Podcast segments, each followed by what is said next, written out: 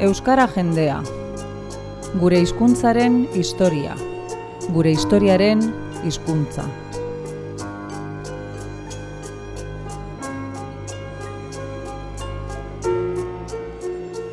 Izen bereko liburuaren egile den samar ikertzaileak, Bilbo iria irratearekin solasean, pasarte laburretan, aurkeztu eta azalduko diguna. Euskaldunok gure historia hobeto ezagutzeko.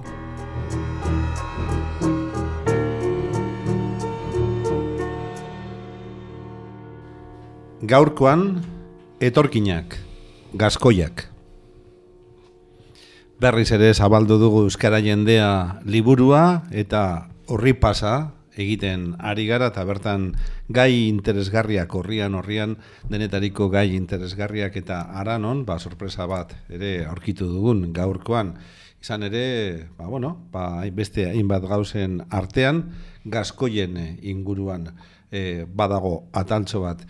E, xamar, etorkinak aipatzen dira gaur egun, etorkinak etorri berriak direla, Espainiako alde askotatik e, lehenbizi, e, Afrikatik, e, Asia aldetik, edo nondik e, datozela Europa alderantz eta baita Euskal Herrirantz ere etorkinak, baina galdera, hau da, bueno, negota bat agurtuko zaitut. Bai, kaixo, Xavier. eta, eta galdera zuzena da, eta bere alakoa.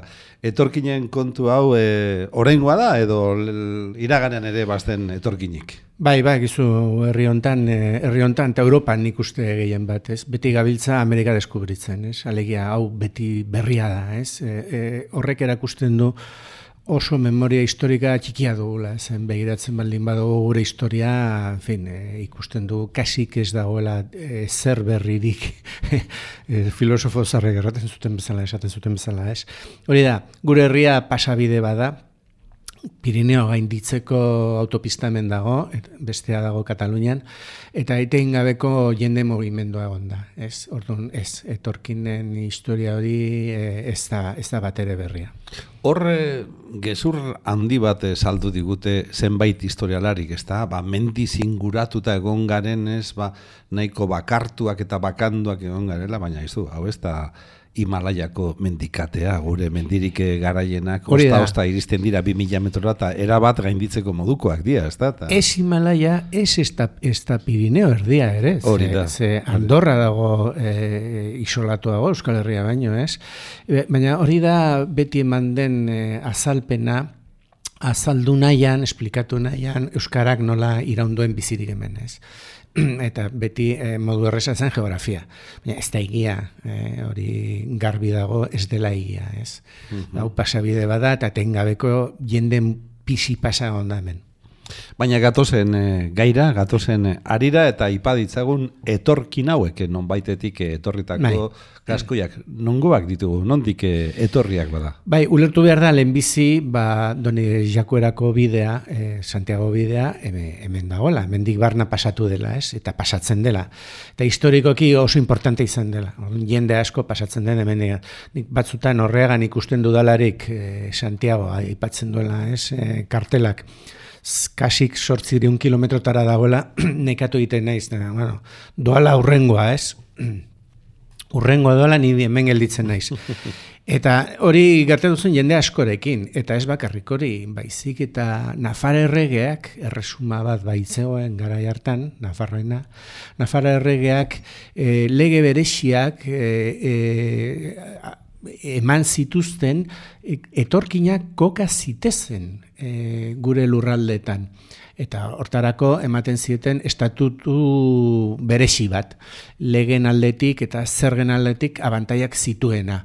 Eta horrela adibidez, Iruña berean sortu zen e, Frankoen e, burgoa deitzen zena, e, San Nicolás. Nafarreria zen Nafarren burgoa. Gero e, Lizarran bazeuden, Donostian asko kokatu ziren. Erregek sustatutako politika bazen, ba hor nun bait behar bait ziren sobera garatuak zeuden lanbide batzu gurean eta ordun etorkinak oso aproposa ziren. Eta etorkina hauek batez ere gaskoinak edo kaskoinak iparraldean e, esaten duten bezala ziren ez? Eta herri guztiak eh, bezala, ona etorri zielarik, beren hizkuntza, beren kultura ekarri zuten, eta horrek astarrenik, o, eh, nolabait, eh, ondarrik utziko zuen gure herrian, ezta? Dudik eta gabe, hizkuntzan zenbait hitz iduridu gaskoinetik pasatu direla, eta lehantziz, Euskarak izan du, eragin handia, e, e, gaskoin e, hizkuntzan ere, eh? Be, bereziki e, e, e, gaskoinean, azken finan azaldu dezagun, gaskoina oksitanieraren variante bat dela, ez? Orduan hor, e, bereiztu egiten da pixka bat Euskararen fonetikaren eraginez. Eta donostian okerrezpanago, badago nahiko frogarik, ezta? Bai, Horren bai, presentzia bai. horrena. Ba, duela kasik mila urte, zen gainera momentu batean e, donostia oso txikia zen, pentsatzen gaur egungo donostiako alde zarra, baizik etzela iria, inguruko zen bai baserri eta gutxi gehiago, tolosa askoz handiago zen, eta importantago, ez? Baina donostian, ja amairugarren mendean, bertako alkatea e, kaskoina zen. Eta toponimia, pentsatzen importantea zen toponimia, toponimia nagusia donostian eh, eh, oso, oso importantea da Euskararen presentzia. Eh, Euska, barkatu, gaskoinaren presentzia. Urgul, eh, Beltran, Poioe, Aiete, eh, izen handienak edo ezagunenak Ulia, eh, gero Monpas, Oie guztiak eh, gaskoierak eh, hizkuntzan daude. Abizenetan, deituretan ere, Bai, hainbat eta hainbat. bai, bai, bai. Hori iruñan adibidez oso nabarmena da, ze oraindik gelditzen dira e, desente, ez, eta batzuk beren komertziangatik ezagunak deitura baizik ez, zen espaitute ja horren oroitzapenik ere, baina adot, rozaut, e, bomont, bezalako deiturak, ez, bront, E, erronkarin ere asko dire olako deiturak, eta nik uste, gau, gaskoinak ondoan daude, ez? Etorri eta kokatu egiten ziren, eta hasiran atxikitzen baldin bazuten hizkuntza ere, denboraren barna ba, ba, urtu egiten ziren Euskaldungoan. Eta nolabait bere, ja, kokatu egiten Bai. ziren, eta bertakotu egiten. Absolutoki, absolutoki. E, Kasu batzutan nahiko gatazkatsua izan zen gaia, ze iruinen e, e, auzuen arteko gerrak e, izan ziren. Zen. Zen aipatu duzu Nafarreria Bai, eta San bai. Nikolas auzoak. Bai, hori da San Nikolas burgoak deitzen direnak, ez? E, e, z- z- zer gertatzen zen? Estatutu bat hobea zutela eta Nafarreriak bertako jendeak e, e, nahi zituen abantai hoiek fiskalak batez ere zirenak. Eta horri azkenean sortu zituen alako tirabira bukatu zirela, gerra bat izaten. Gerra, baina auzoak e, hormatutak zeuden, bereiztutak, Eta gerra terrible izan zen. Halako batean gainera gaskoinek deitu zituzten frantses armada, eta frantses armada etorri zelarik Nafarreria e, e, su eta gar eh, eman zioten, eta egon zen zenbait urtetan ut, us, ustuta.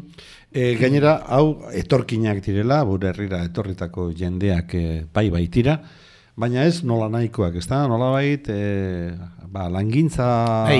batean edo bestean zebiltzanak, eta nola baiteko kualifikazio, Iduridu, lan kualifikazioa ez dutenak. E, Hori e, eskulangintzetan eta gero merkataritzan, eta donostian adibidez merkataritza izugarri importantea zen, portua baitzen. Eh? Orain bakarri turismo portu bada, baina garaian ez, garaian e, portu aski importantea zen, ez? Eta ga, e, pasaian ere, kokatuta zeuden, onjarbin ere, kostaldeko herri askotan, baina bere xiki hoiek, e, hain zuzen, e, bilduta dago nola e, e, gaskuinan, e, zenbait jendek uste zuen donostia gaskoi hiri bat zela. Eh? Absolutoki, hizkuntzaz eta kulturaz. Hainbeste egonik. Bai, bai, garai batean hala zen, bai. Amaitzeko agian esan beharko genuke gaskuña hori alako deformazio Bai. bat dela Oaskonia. Ezta? batetik, bai, bai, Gaskuña, Guaskonia, Baskonia batetik dator. Funtzean Gaskoinak dira e, nolabait Euskarari gabeko Euskaldunak, aspaldidanik e, galdutakoa biztan da, ez? E, ibiliko ginateke mila urtein inguruan edo jakiterat, ez? Inguru hortan. Baina hala da, hala da. Badire, e, e, latinizatu ziren Euskaldunak nolabait. Noizbait Euskaldun izan zirenak, beste noizbait Bai. gure herrira etorri, bertakotu eta gure artean gelditu.